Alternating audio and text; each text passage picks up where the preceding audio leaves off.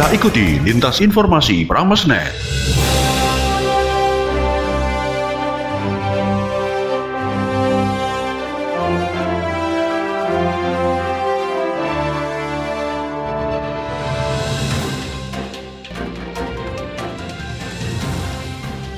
Selamat pagi, kita jumpa kembali dengan Lintas Informasi Pramesnet. Edisi Rabu 22 September 2021 Bersama saya Novi Ronggo Hadi, Lamongan. Siaran ini diikuti oleh 103,9 FM Pramesora Lamongan 104,5 FM Bahana Ngawi 90,6 FM Rasi Magetan dan 97,8 FM Radio Ronggo Hadi, Lamongan. Baik sobat, kami awali informasi dari Magetan. Dinas Sosial Kabupaten Magetan, data puluhan anak yatim piatu disebabkan COVID-19.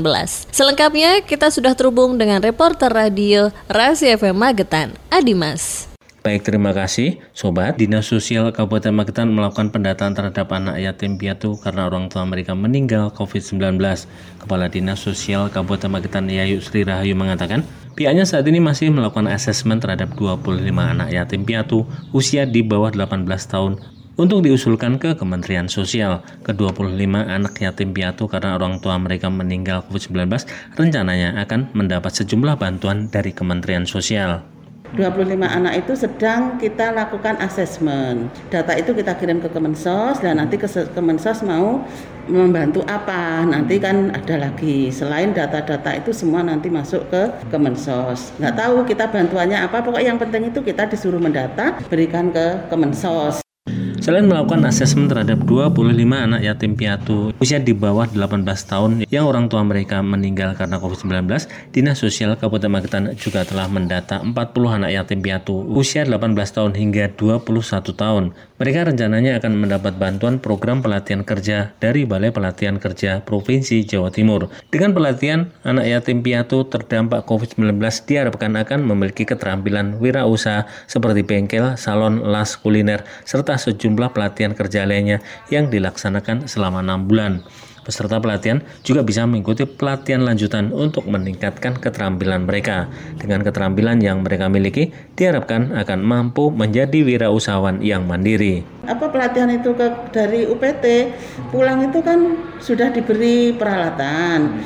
Pelatihannya sendiri juga enam bulan. Setelah dari UPT itu, setelah pelatihan itu nanti bisa berjalan, nanti kan e, di asesmen terus dari provinsi. Kalau memang diperlukan ini juga nanti bisa ikut lanjutan kan seperti itu istilahnya. Jadi sejumlah anak yatim piatu yang orang tuanya meninggal karena COVID-19 di Kabupaten Magetan saat ini telah menjadi anak angkat dari Kepolisian Resort Magetan. Dinas Sosial Kabupaten Magetan juga telah melakukan layanan psikososial terhadap anak yatim piatu terdampak COVID-19.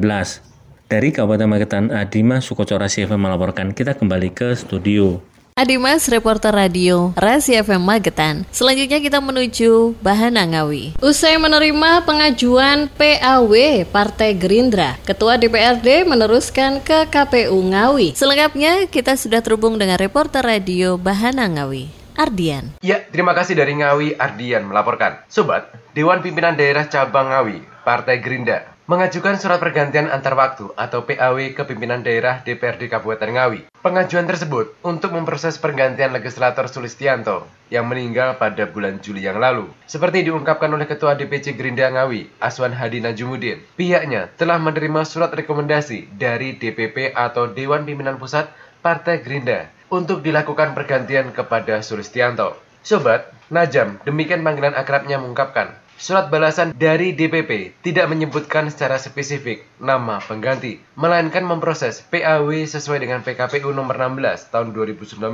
Mengacu regulasi tersebut, calon penggantinya adalah kader partai yang satu dapil dengan Sulistianto. Sulistianto sendiri memperoleh suara terbanyak kedua dalam pemilihan legislatif atau Pileg 2019. Domainnya, pemimpin DPRD dan KPU akan menentukan siapa PAW-nya. Sobat, diketahui Sulistianto melenggang di Parlemen Dapil 5, meliputi Kecamatan Widodaren, Mantingan, dan Karanganyar, dengan memperoleh 3.519 suara dalam Pileg 2019. Di bawahnya adalah Dwi Nur Ahmad Riyadi Basuki dengan mengantongi 671 suara. Sobat, secara terpisah, Heru Kusnindar selaku Ketua DPRD Kabupaten Ngawi menjelaskan, setelah menerima surat dari partai, pihaknya bakal berkoordinasi dengan KPU untuk melakukan verifikasi dokumen calon PAW. Hal ini mendasar surat dari partai politik. Tambahnya, dalam proses verifikasi tersebut akan mendapatkan jawaban informasi tertulis dari pihak KPU maupun masyarakat mengenai calon PAW yang dinyatakan memenuhi syarat ataupun tidak. Dan KPU melakukan klarifikasi dengan cara pertama, berkoordinasi dengan partai politik. Kedua, berkoordinasi dengan calon PAW guna mendapatkan jawaban atas verifikasi tersebut. Demikian yang dapat kami informasikan dari Ngawi. Kita kembali ke studio, silakan. Ardian, reporter Radio Bahana Ngawi. Selanjutnya kita menuju Pramesar FM Lamongan. Tidak ada penambahan objek pariwisata baru. Desa wisata di Lamongan yang paling terdampak selama pandemi. Selengkapnya kita sudah terhubung dengan reporter Radio Pramesar FM Lamongan, Putri. Baik, terima kasih. Sobat, sejak menduduki PPKM level 4, kegiatan sektor pariwisata di Lamongan terpaksa dihentikan sementara. Erdiana Renawati selaku Kepala Bidang Pengembangan Pariwisata di Sparbud Kabupaten Lamongan mengatakan banyak desa wisata baru di Lamongan yang terdampak. Akibatnya selama pandemi tidak ada objek wisata baru yang lahir di Kabupaten Lamongan. Stagnan, jadi tidak ada, tidak ada penambahan objek wisata, tidak ada penambahan objek wisata, masih tetap. Di tempat wisata di wisata itu yang paling terpuruk memangnya.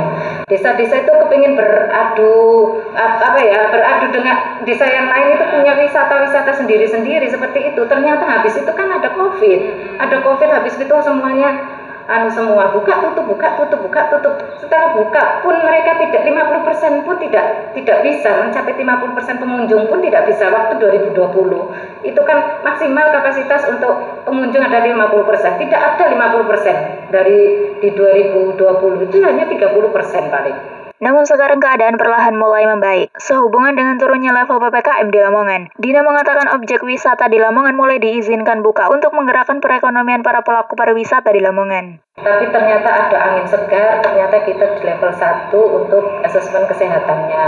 Kemudian Pak Bupati juga inginkan masyarakat di Lamongan itu tidak berlama-lama terpuruk, tidak bisa cari makan.